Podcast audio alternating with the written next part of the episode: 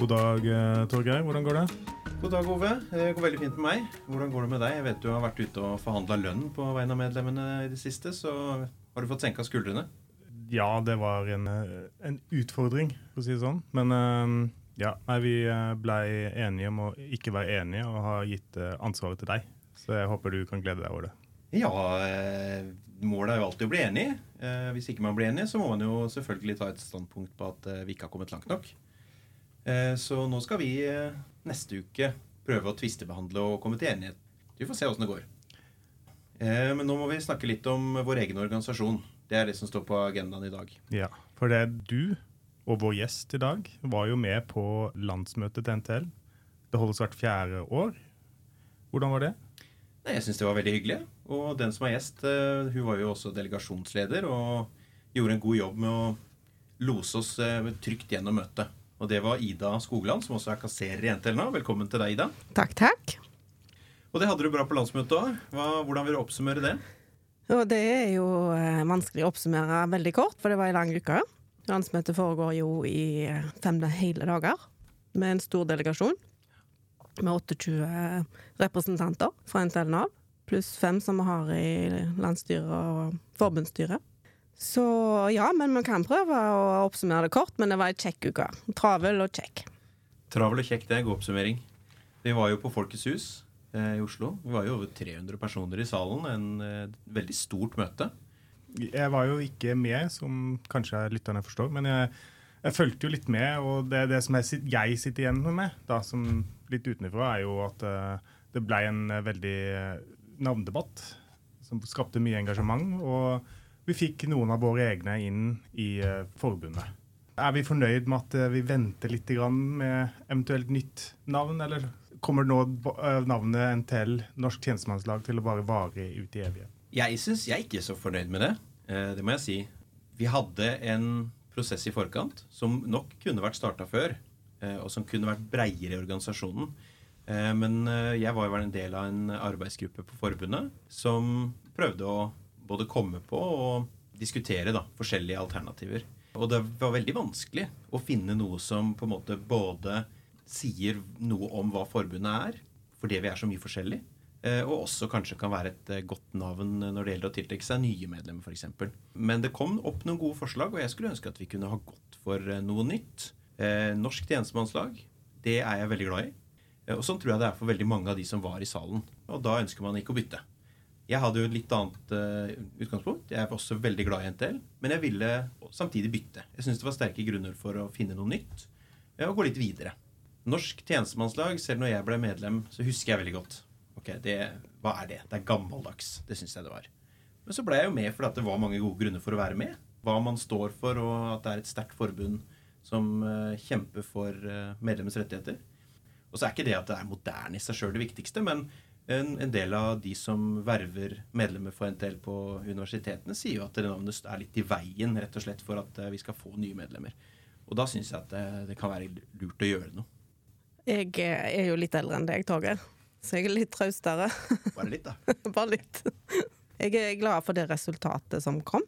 Ikke fordi jeg ikke syns vi bør bytte navn, for det skal vi høre på de som er unge og på vei inn, og de som står og verver. Men jeg uh, syns vel at den, den, prosessen som var i forkant, var litt eh, starta for seint i, i, forrige landsmøteperiode. Sånn at uh, det var ikke innarbeidet godt nok i uh, organisasjonen, tenker jeg, dette med navnebytte. Det var vel stort sett oss som er aktive, som hadde hørt om den, når jeg snakket med de vanlige medlem ute på arbeidsplassen. Så var det ikke så mange som hadde fått den med seg og lurte på hvorfor skal vi skifte navn, og hva skal vi hete, hva er alternativene. Og, så jeg tror det var et lurt vedtak som ble gjort. Jeg skal jo innrømme at jeg satt jo når det, voteringen av, på dette navnet var, så satt jeg i et 253 lønnsforhandlingsmøte. Så hadde jeg bitte lite grann håp om at når vi gikk inn i lønnsforhandlingene, så var jeg NTL, og når jeg kom ut, så hadde jeg et nytt navn.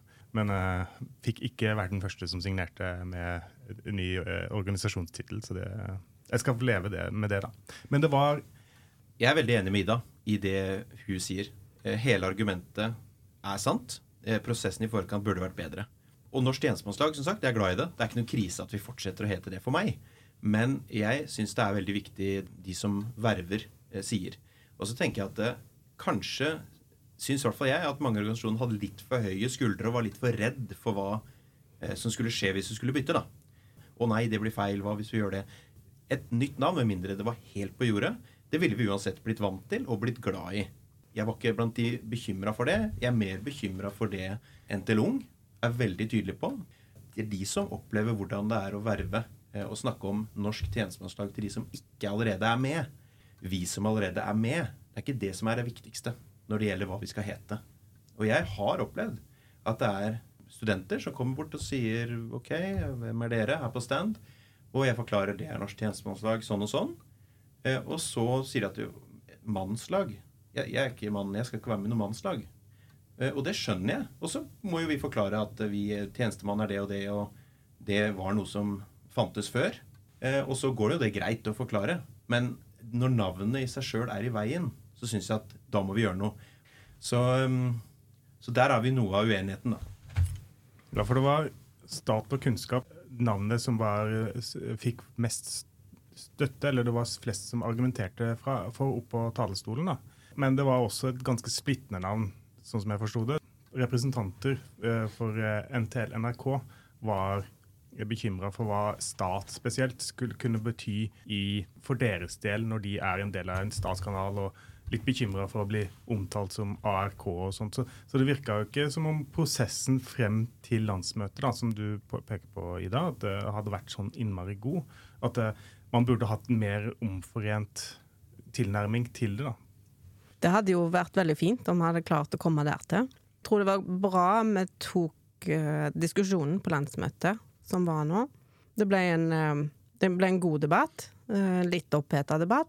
Um, og jeg tror ikke kanskje det er bare de fra NTL NRK som reagerte på navnet, men de som tilhører overenskomsten, altså de som ligger utenfor stat, de som ikke er statsansatte, som er medlem i, i NTL. At ordet stat er litt problematisk for de å å svelge, rett og slett. Det er definitivt noe av det som er vanskelig med å finne navn. Det er jo at Norsk tjenestemannslag en gang i tida hadde bare statsansatte.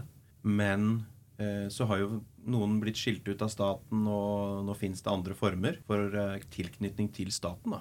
Og NRK, Avinor og Det er flere som fortsatt er i NTL, men som ikke lenger er rent statlig. Og jeg må vel si at jeg ikke tråkka litt i salaten fra talerstolen sjøl når jeg sa at jeg omtalte de fra NRK som kamerater i Statskanalen. Og det var visstnok noe som ble ansett som eh, nærmest et skjellsord i NRK. Og det visste jeg ikke da. Jeg tror kanskje ikke det var det verste du sa, Torgeir. For i og med at du hadde hørt at de ville, ville eh, melde seg ut hvis det ble stat og kunnskap, så sto du på talerstolen og sa at eh, jeg er ikke kanskje enig i alt, men jeg er ikke tolv år heller, så jeg blir med videre. Jeg tror kanskje de reagerte litt på det. Det kan jeg aldri tenke meg. Nei, men altså, For å forklare det, da. Så Sammenhengen jeg satte det i, det var jo det jeg var inne på i stad. At um, vi burde se på potensielle medlemmer og de som kanskje kan være med når vi vurderer navn. Ikke nødvendigvis vi som allerede er her. Og da brukte jeg meg sjøl som eksempel at uh, uansett hva vi bytter til, så er jeg fortsatt med i NTL. Så det var poenget mitt der. Og så har jeg ikke noe særlig sansen for sånn uh, å true med og på en måte nå, da forlater vi, når man argumenterer for det ene eller andre. Men jeg er selvfølgelig, det jeg er glad for etter vedtaket, det er jo at eh, vi har eh, medlemmene i NRK fortsatt i, i samme forbund som oss. Og så syns jeg jo at nå må vi se framover og finne et nytt navn de neste, i løpet av de neste fire åra. Ja, og det betyr at jeg har fire år til å få gjennomslag for kunnskap og tjeneste. Ja, det var ditt forslag. Kunnskap og tjeneste. Det har vært mange gode. Tarjei Haga hos oss var på Kunnskap- og forvaltningsforbundet. Vi hadde forslag fra Janni om flokk. Og det er jo litt morsomt, må nesten nevnes, da, eh, tidligere redaktøren i medlemsbladet vårt, Janni Wikan, han eh, hadde jo en egen eh, kampanje på landsmøtet med å Han lagde ny logo. Han trykka flyveblader som han delte ut i foajeen, og gikk på talerstolen og dukka opp i både Fri fagbevegelse og Klassekampen for å kjempe for sitt navn som var fokus. Så det var bare han som snakka om det, men allikevel så var det fokus overalt. Så det var litt morsomt, da. Eh, for det, Du nevner jo Janni her, og Janni var jo en av de som ble, fikk et nytt verv. Mm. Han ble forbundssekretær. Og vår da tidligere leder, Elisabeth Steen, har blitt eh, hovedkasserer i forbundet. I tillegg til at vi hadde var det fem stykker i, i forbundet fra før i dag. Er, er vi fornøyd? Vi hadde faktisk nå bare tre forbundssekretærer inne. Det syns jo vi var litt for lite for et sånt stort forbund, eller en stor landsforening som, som NTL Nav er. Ehm, vi er den største landsforeningen sammen med sentralforvaltningen, og da skal vi være representert i, i forbundet, på forbundskontoret, i ledelsen og i råd og utvalg, mener vi sjøl, da. Og, og, det hadde vi jo nå. Det var Elisabeth Steen som har vært vår leder uh, siden 2018. Um, ehm, hun ble valgt inn som hovedkasserer, altså i ledelsen i forbundet. Så fikk vi valgt inn flere forbundssekretærer, uh, utover de tre som ble gjenvalgt de som var der fra før. Det var Hennie Isaksen, uh, Torstein Brekkan og uh, Sven Ivar Skodjevåg. Ja, for Skodjevåg hadde en motkandidat, men det gikk bra? Det gikk bra. Da kom en, eh, en delt innstilling fra valgkomiteen. Flertallet var på vår kandidat, Sven Ivar. Uh, så da ble det litt furore en liten stund. Og er det jo valgkamptaler og sånne ting som Det skjer fort. Eh, for vi får jo ikke vite det før, uh, før valgkomiteens innstilling blir lagt fram. Det kommer jo rett før vi skal på valg, så vi har en time da. Uh, men det gikk bra. Han vant den duellen der. Ja da, og Skodjevågen måtte jo svette litt, eller Skøyevågen, som faktisk er den riktige uttalen av navnet hans. Det stemmer. Selv om ikke det er så lett å se på måten det skrives på. Han fikk svette litt. Det var selvfølgelig krevende å få en motkandidat, og at det blir en liksom valgkamp sentrert rundt deg. Men det var jo en klar votering i, i salen når eh, stemmene skulle avgis. Så i det store og det hele så gikk det jo veldig rolig for seg. Og da snakker jeg om ledelsen og forbundssekretærene. Vil du si at det var litt for lite drama? Burde det vært flere kampvoteringer i det?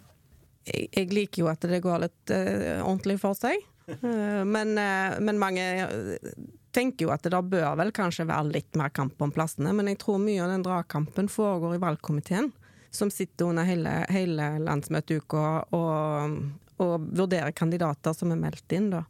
Så jeg tror mye av den dragkampen foregår der, og ikke i selve valget i landsmøtesalen da.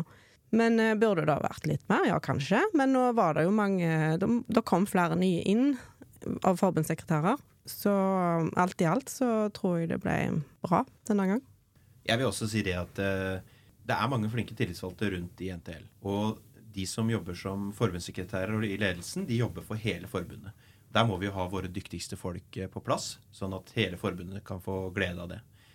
Bør være litt kamp. Og så er det selvfølgelig sånn at for de som sitter der, så man, Mange av de flytter til Oslo, og de eh, går jo da opp i lønn, og det er mye som skjer med livet dem, så det er jo selvfølgelig eh, ikke at de skal skaltes og valtes med det. Men samtidig, dette er ikke en jobb. Dette er et verv på fire år. Og da burde man jo da planlegge fire år. Og så må vi se neste gang. Så, men så er jeg, som Ida sier, det er nok en del eh, Det blir jo foreslått mange flere kandidater. Og så er det mye som skjer eh, i, valg, eh, i valgkomiteen.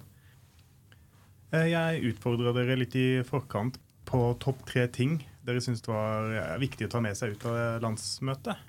Ida, vil du starte? Ja. Er det lov å si landsmøtefesten?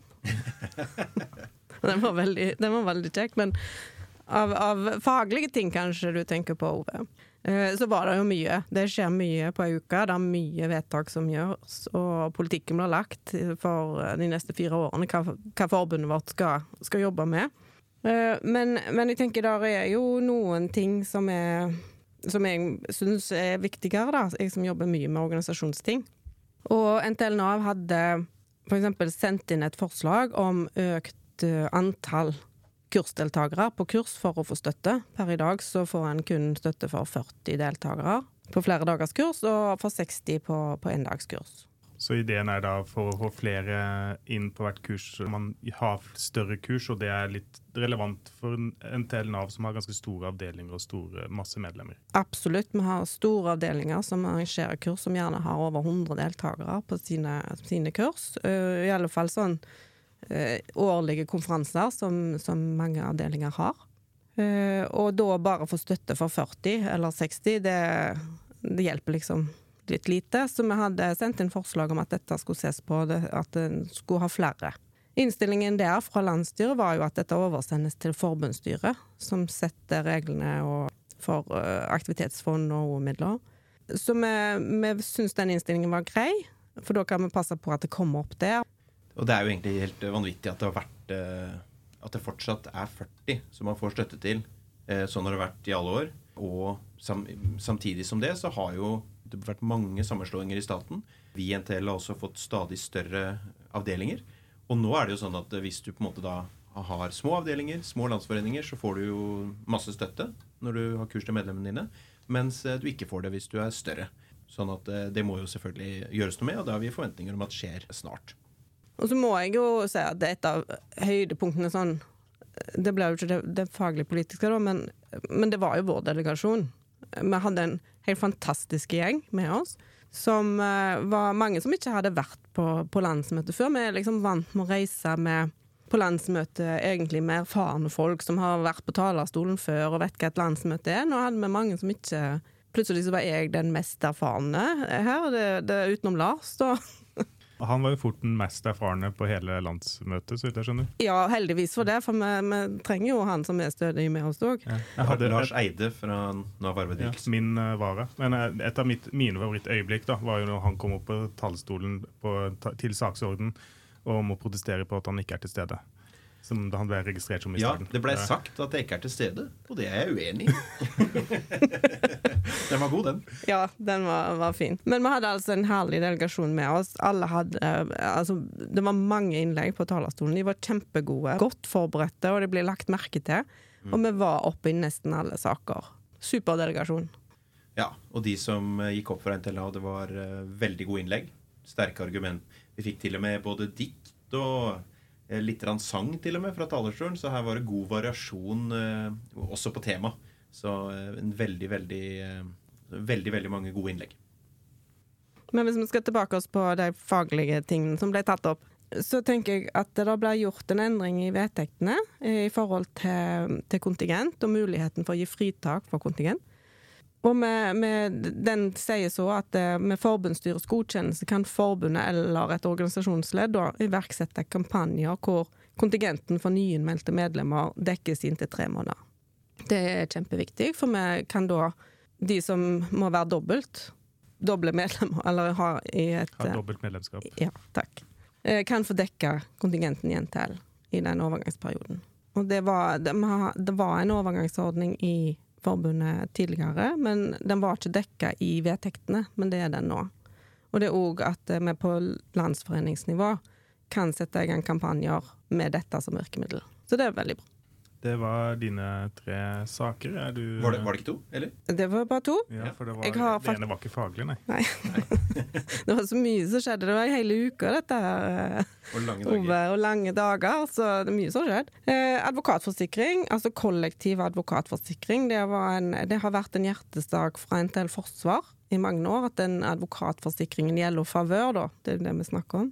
Det skulle inn og være kollektiv. Det betyr at Eh, sånn som uh, innboforsikringen vår er kollektiv, reiseforsikringen vår er kollektiv. Det betyr at uh, vi får en forsikring som er billigere fordi vi er så mange som går inn på at de går kollektivt inn på den. Så det ble faktisk vedtatt at det skal NTL ha, så da skal forbundskontoret jobbe fram det i løpet av neste periode. Men innholdet vil jo bli sånn som LO Favør sin advokatforsikring er noenlunde. Det er flere forbund som har dette som kollektivt. Uh, og, og, da er det jo valgfritt. Kom jo, det, det kommer jo med reservasjonsplikt. Hvilke tilbud, tjenester, får man som man ellers ikke ville fått? Da betaler du jo månedlig denne forsikringen. Mm. Og hvis det da skjer noe, at du har behov for advokat, privat eh, eller ikke privat, det er jo stort sett privat vi trenger advokat, det kan være arv familie, altså naboen din. Kommunen, håndverkeren Altså, det skjer jo noe hele tida, så vi kanskje kunne tenkt at åh, nå skulle jeg ha ringt en advokat og fått litt veiledning. Men vi gjør det jo ikke, for det koster jo 1500 kroner bare du slår nummeret. Har du denne advokatforsikring, hvis du går inn på den, da, så har du jo advokattjenester gratis. Så gratis i hermetegn, fordi du betaler jo en sum hver måned. Det var dagens vervetips. Er du enig i denne topp tre fire-lista til Ida? Eh, enig. Eh, jeg har andre ting. Eh, for vi har jo snakka sammen, så vi har jo litt forskjellig. Og jeg ville nok eh, tatt et par av de tinga jeg nå kom med, hvis jeg skulle laga en sånn fasit. ja. Men eh, det var viktige ting Ida tok opp der. Ja, men hva med det som du syns er viktig, da? Så får vi høre det. så får dommen komme etterpå. Ja. Én eh, ting som jeg syns var eh, veldig fint på landsmøtet, det var at det ble litt eh, fokus på sikkerhet. Jeg sitter og ser på frifagbevegelse.no, og de har laga en sånn uh, oversikt over de viktigste vedtakene fra NTLs landsmøte. Og der så finner vi uh, at uh, en formulering om sikkerhet og publikumsmottak. Og det var det NTL Nav som hadde kommet med forslag om i forkant. At det skulle komme inn noe i prinsippet handlingsprogrammet om det. At vi, NTL skal jobbe for at, at publikumsarealer utformes sånn at de minimerer risikoen for at ansatte blir utsatt for vold. Bakgrunnen for det er jo mye knytta til drapet vi hadde i natt, på Årstad. Og da hadde vi jo et uh, veldig sterkt innlegg fra talerstolen fra Birte Sletten, som var vår, uh, en av våre delegater, uh, som jo jobber på Årstad. Og har veldig tett tilknytning til det som skjedde. Så, så, det gjorde inntrykk på flere av oss, som ble trukket fram som en viktig sak. og en god endring inn i PHP. Så det syns jeg var veldig fint. Jeg er enig med deg i at det var veldig viktig å få inn i prinsippet handlingsprogrammet. For dette med, med nye, moderne kontorløsninger eh, er et hinder for sikkerheten. Så det var viktig å få inn at vårt forbund skal jobbe for. Ja, jeg, jeg eh, fulgte jo tidvis eh, denne strømmede på nett og over landsmøtet, og jeg fikk også med meg talen til Birte, og det var jo det var en, en følelsesladet uh, opplevelse. Mm, det var det. Samtidig et veldig godt uh, innlegg med argumentene som ble framført. Ja, jeg tenker Under en sånn lang debatt, når vi diskuterer prinsippet handlingsprogrammet, så, så, går det en hel dag. Det går tolv timer i debatt. Uh, og det er jo ikke alle som følger med på hva alle sier. Det, det, klarer du jo ikke. Men jeg er helt sikker på at hele salen fulgte med når Birte hadde sitt innlegg om sikkerhet. Det, det klarte du å fange med en gang. Så det, det satt i alle. Du, hvis vi ser på lista over de viktigste sakene etter det Fri fagbevegelse har valgt å trekke fram, så finner vi også enda en ting som um, vi i NTL Nav brakte inn i debatten. Og det var stryking av fleksitid. Der eh, var vi et par fra NTL Nav eh, som snakka om det, bl.a. Juneberg. Og vi hadde fokus på at vi ikke må jobbe på dugnad for arbeidsgiver. Både under korona, men også tidligere så er det veldig veldig mange av Navs ansatte, ekstremt samvittighetsfulle folk med stort hjerte for samfunnsoppdraget og brukerne, som strekker seg veldig langt, og da også med å jobbe gratis for arbeidsgiver. Og det syns vi det var riktig å sette litt på agendaen at sånn skal vi ikke ha det. Dersom det er behov som brukerne har, eh, som samfunnsoppdraget krever, så må vi selvfølgelig prøve å møte de behova. Men det skal vi da ha betalt for når vi jobber eh, for arbeidsgiver. Eller hva sier du? Ja, jeg er helt enig. Vi skal, altså Dugnad er noe vi gjør i barnehagen til, til ungene våre. Eh, for skolekorpset. Vi gjør det ikke for arbeidsgiver. Og det, det, det, er viktig å poengtere at eh, vi vil jo ikke fleksitidsavtalen til livs. Den er en god avtale, og den er noe vi vil beholde, men vi vil ikke at eh, arbeidsgiver skal kunne stryke timer bare sånn med et pennestrøk på et avredningstidspunkt fordi du ikke har fått avspasert, og fordi det ikke var anledning til å få overtid. Jeg syns også at uh, det er rom for utvikling i fleksitidsavtalen, uh, sånn som foreligger, og, og det er en uting med at timer blir strøket. Jeg diskuterer jo dette årlig med arbeidsgiver, og arbeidsgiver sier å, det er blitt færre enn i fjor, men det er fremdeles noen timer, og det er jo mer enn det det skal være. Ja, og så må vi ta det ansvaret sjøl òg, som, som, ansatte, som medarbeidere. At vi, vi kan ikke jobbe gratis. Mm. Mm. Det er litt vårt ansvar, så lenge arbeidsgiver ikke passer godt nok på der, så må vi si stopp. Det går vel mye på samvittigheten i forhold til brukerne våre. Som Mera sier der, Arbeidsgiver har et ansvar for å eh, legge til rette for at vi kan få avvikla fleksitida før vi må stryke, over 50 timer. Vi har også et ansvar sjøl for ikke bygge opp for mye.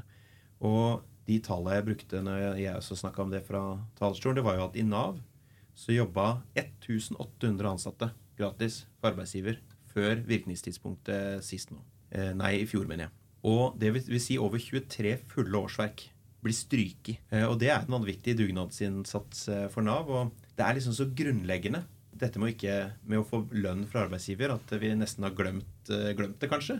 Men det er viktig at vi tenker på hvor vanvittig det egentlig er å jobbe uten å få lønn for det. Det kan vi bare rett og slett ikke gjøre. så må vi som tillitsvalgte òg prøve å ta, for gode ordninger som gjør at vi ikke For å bidra til det, vi òg, selvfølgelig. Jeg tenker jo at altså, Å jobbe og ha arbeid, det gir mening. Eh, men det betyr jo ikke at uh, mening gir jo ikke betaler ikke for maten på bordet.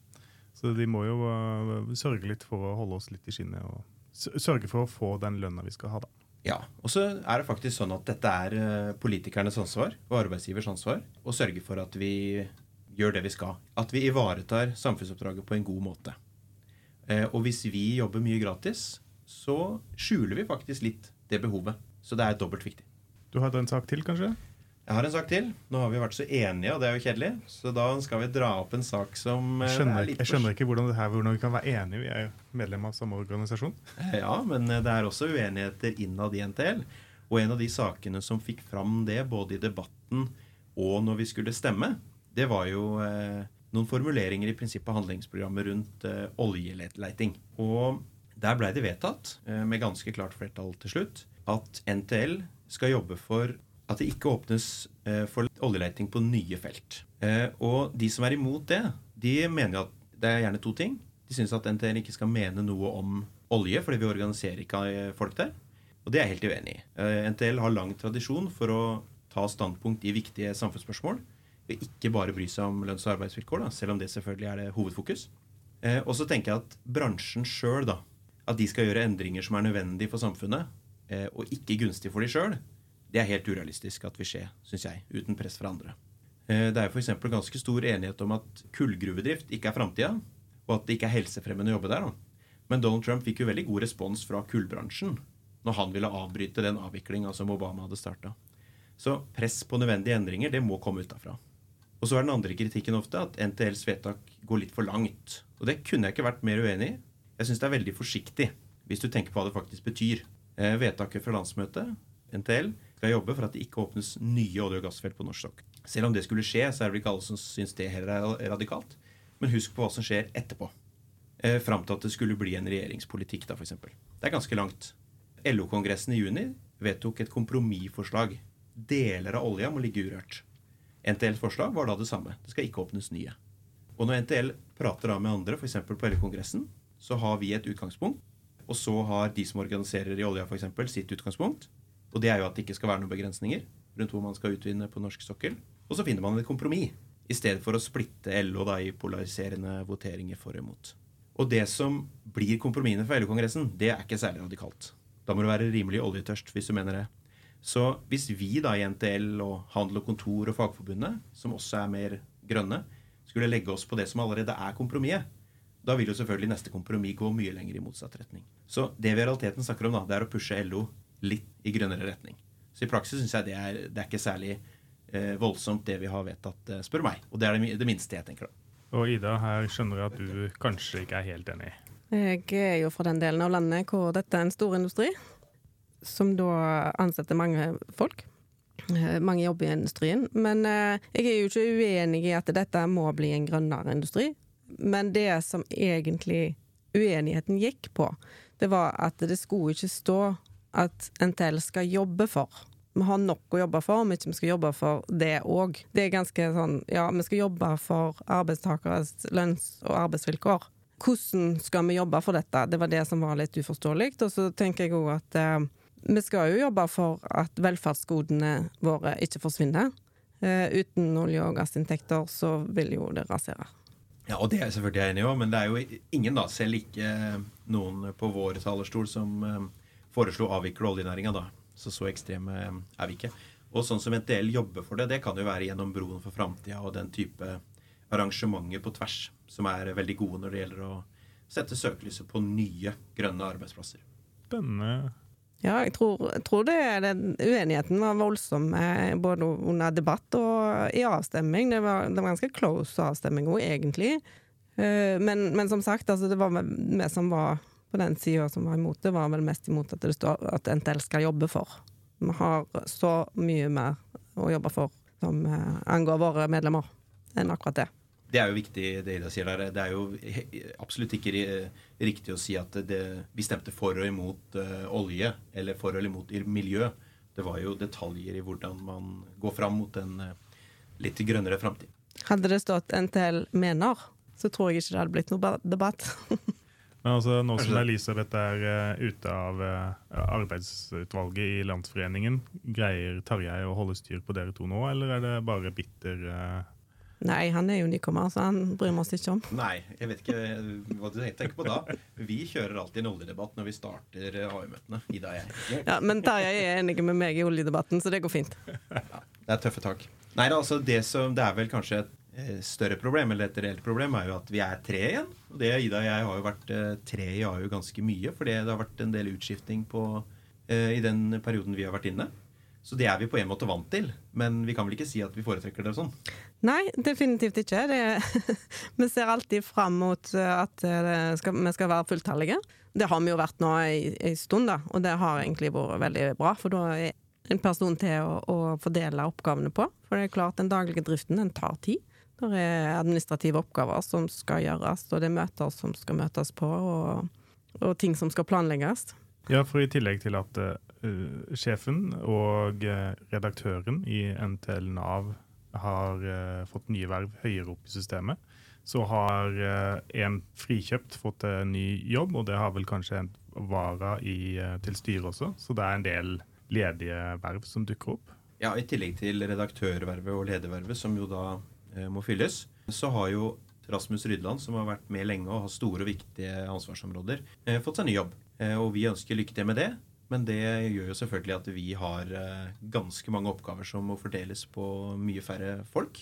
Og tenker vel at det kan bli en litt tøff periode for de som er igjen, selvfølgelig. Fram til vi får supplert, da. Forhåpentligvis i januar. Valgkomiteen er i gang å jobbe, og avdelingen har kommet med så vidt jeg har hørt, mange forslag. Det finnes heldigvis dyktige folk som uh, ute i organisasjonen som er klar for, å, klar for nye oppgaver. Så, men vi må prioritere knallhardt uh, i tida som kommer, så lenge vi er litt færre. Helt klart. Uh, som du sier, Torgeir, så er velkommen godt i gang allerede. Og vi, satser på å ha suppleringsvalg i slutten av januar. Og da få inn de tre som mangler. For det å gå fra tolv medarbeidere til ni, det, det er ganske brutalt, sånt over natta. Og det er jo ikke sånn at fordi at vi nærmer oss julen nå, så avtar vår arbeidsmengde. Tvert imot. Jeg som kasserer sitter med regnskap, da, jo, da, da, bare hoper det seg opp. Så egentlig så burde jeg etter landsmøtet bare sittet hjemme og gjort regnskap, men det har det dessverre ikke fort tid til. ja. Men uh, hvordan gjennomfører man et sånt valg? da? Er det, er det styret som tar ansvar, eller blir det et slags uh, ekstraordinært representantskapsmøte, eller? Vi hadde jo representantskapsmøte i mai i år, så det er jo ikke så lenge siden.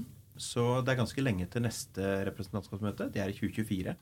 Eh, I mellomtida så er det sånn at styret har eh, fullmakt til å supplere inn, da. Eh, så det er det som eh, vil skje på et styremøte etter valgkomiteens innstilling. Når de er ferdige å vurdere forslagene og intervjue aktuelle kandidater til valget.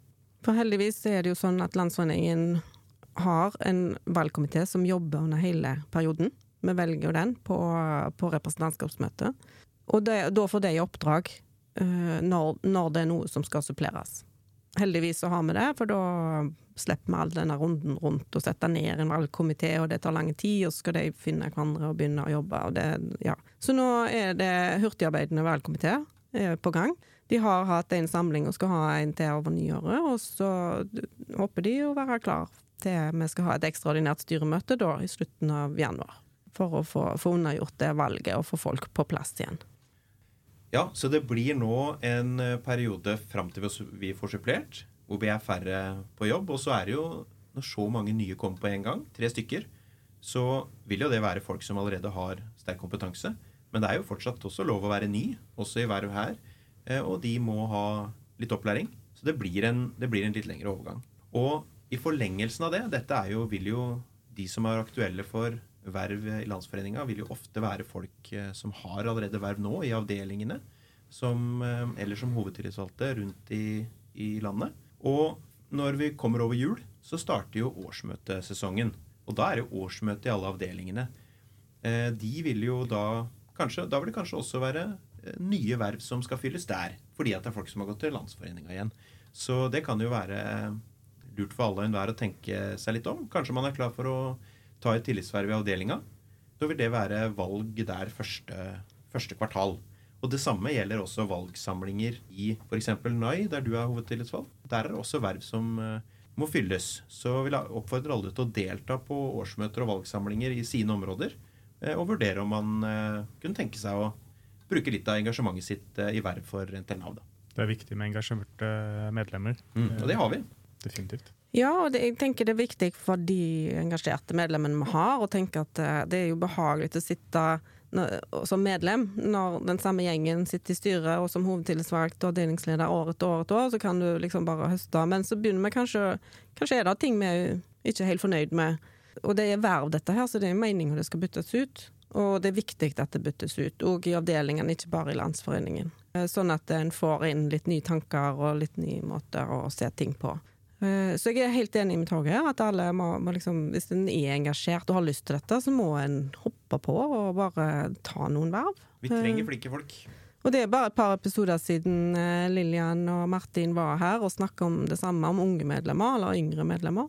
Men det gjelder egentlig alle. Kjempeviktig for å holde oppe aktiviteten. Det er ikke sånn at eh, det blir en masse ekstraarbeid bare fordi at en er med i styret. Kanskje kommer en inn der og bare har noen nye tanker om å gjøre ting på en ny måte. Ja, er, Den type verk krever ikke noen spesielle kunnskaper eller erfaringer fra før heller. Det krever bare at du har lyst til å bidra inn for uh, å gjøre litt eh, jobb. Samtidig så er det absolutt ikke så altfor mye heller, som Ida sier.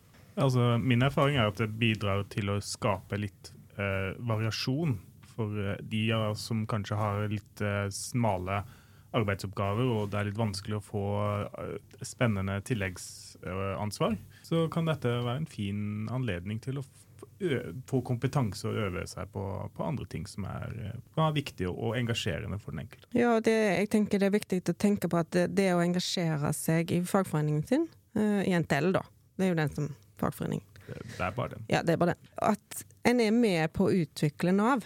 Altså, men, men sitter ikke der og driver med, med politikk som ikke angår driften av Nav. Vi er jo med i, altså, i driften av organisasjonen Nav. Vi sitter med arbeidsgiver eh, og, kommer med innspill. Vi drøfter viktige saker, hvordan ting skal være, på et litt høyere nivå enn akkurat på enhetsnivå. da. Eh, og det er kjekt, og det er spennende, og der får en jo brukt mye av fagkunnskapen sin, og det er kjempeviktig at vi har folk med fagkunnskap som kommer inn på den sida av bordet.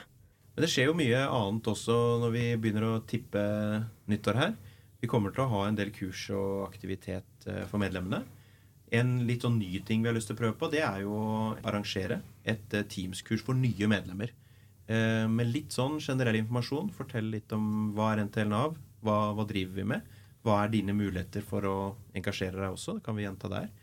Um, så det får vi se åssen det går. Uh, men vi ønsker på en måte å ha, ha en sånn ting da, som ønsker velkommen til de som er nye. For å sørge for at vi ønsker alle velkommen. Så det skal vi prøve på å ha jevnlig, da.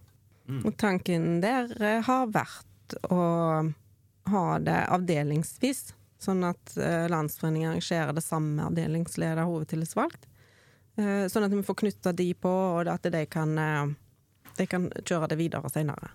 Men vi har litt andre kursplaner òg i dag. Vi har det, men vi tenker jo å få, få arrangert eh, forskjellige kurs, eh, da samling for plasstillitsvalgte i, i. Eh, og vi tenker vel òg å ha et sånn type kasserer, verveansvarlig og studieledersamling igjen, fysisk. Eh, på, på vårparten etter valgene er gjort i avdelingene, så håper vi vi kan få tid til det.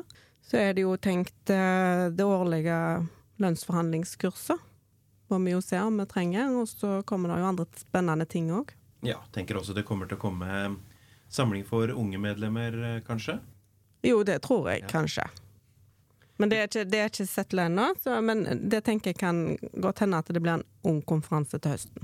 Så litt til uh, nye medlemmer, litt til uh, plasstillitsvalgte, litt til organisasjonstillitsvalgte i avdelingene, og litt til eh, unge medlemmer. Ja. Vi eh, satser på å ha et eh, bredt tilbud til både medlemmer og tillitsvalgte. Og det er i tillegg til alle de tingene de finner på ute i avdelingene. Ja, det stemmer. Avdelingene jo være, er jo sjøl òg aktive og har sine egne kurs og, og samlinger som er gode. Så her blir det mye for noen og enhver. Og i tillegg så kan en jo bruke forbundet sine kurs på Sørmarka, og LO Start sine kurs og LO sine kurs. Så det mangler ikke på tilbud.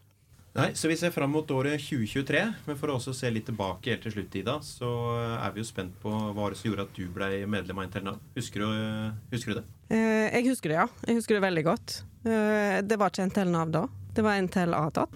Nord-Rogaland. Nei, nei, nei, det tror jeg ikke. Det er ikke så lenge siden. Nei, det er ikke det. 20 år, kanskje, siden. Eh, Jeg begynte, jeg var inne, jeg visste egentlig ikke Dette er litt flaut å si, da, men jeg visste egentlig ikke hva fagforening var. Eh, Hva de drev med. Jeg jo, altså jeg hadde jo hørt om det, men det var ikke noe jeg trengte å bry meg med. Så var jeg jo midlertidig ansatt. Måned for måned for måned, og så fikk jeg et halvt års vikariat, og måned for måned gikk sånn i mange år. Men jeg hadde ikke gått så mange månedene før han som var plasstillitsvalgt da, på Atat i Haugesund, han heter Terje. Terje B, for det var flere Terje. Som kom og sa ja, skulle ikke melde deg inn i NTL. Hva er det? Det er fagforeningen vår. eller? Å ja. Ja, alle er med der. Ja vel. Så da var det jo ikke Da var det bare å skrive under, for han hadde vel innmeldingslappen klar til meg, og alle var jo med der, så da var jo jeg jo med der. Og her sitter jeg Ja. nå. Du angrer ikke heller? Nei, men der ser en jo altså fra å være veldig uengasjert og ikke vite egentlig hva, hva plasstillitsvalgt var, hva, hva gjør tillitsvalgte, hva har du egentlig du skulle ha sagt, til å sitte her nå på sentralt nivå. Så tenker jeg ja, det er ikke så lang veien. Det er ikke lange veien. Ja, men eh, det, det, det viser jo litt grann ulempen med å ikke ha Med den nye teknologien. da. Før så kunne du få en lapp her, meld deg inn. Bare skriv ut her, kjempeenkelt. Alle er her med. Liksom, nå, så, ja, nei, du finner lenka på, på nettsiden. Så. Ja, det er jo ganske enkelt det òg, da. Når du følger lenka, så er det ikke så mange tastetrykk der inne. Det er faktisk de som går rundt med verveblokk ennå, og så skriver, og så legger de inn etterpå. Med, eh, selvfølgelig med fullmakt. Nei, Det er fortsatt mulig å verve medlemmer, også med tek teknologien over. Og det ser vi jo på innmeldingstallene våre. De er jo, de er jo flying high. Altså, vi har aldri hatt så høyt innmeldingstall før. Selv i år, når vi ikke har hatt kapasitet til å ha noen eh, kampanjer, vervekampanjer, så, så har vi da sprengt liksom det som var i pandemiårene. Det er veldig gledelig. Ja, da gikk vifta på her, så vi får vel kanskje ta det som et tegn på at vi må runde av. Eller er det huset som faller sammen? Ja, vi, vi håper det er det første. ok, men tusen takk for at du kom eh, på besøk til oss, Ida. Takk for at jeg fikk komme. Dette var veldig gøy. Ha det bra. Ha det godt. Ha det. Takk til deg som hørte på. Hvis du har spørsmål eller kommentarer, Ris eller ros, så er vi veldig takknemlige om du sender en e-post til torgeir.homme. alfakrøllnav.no. Vi høres.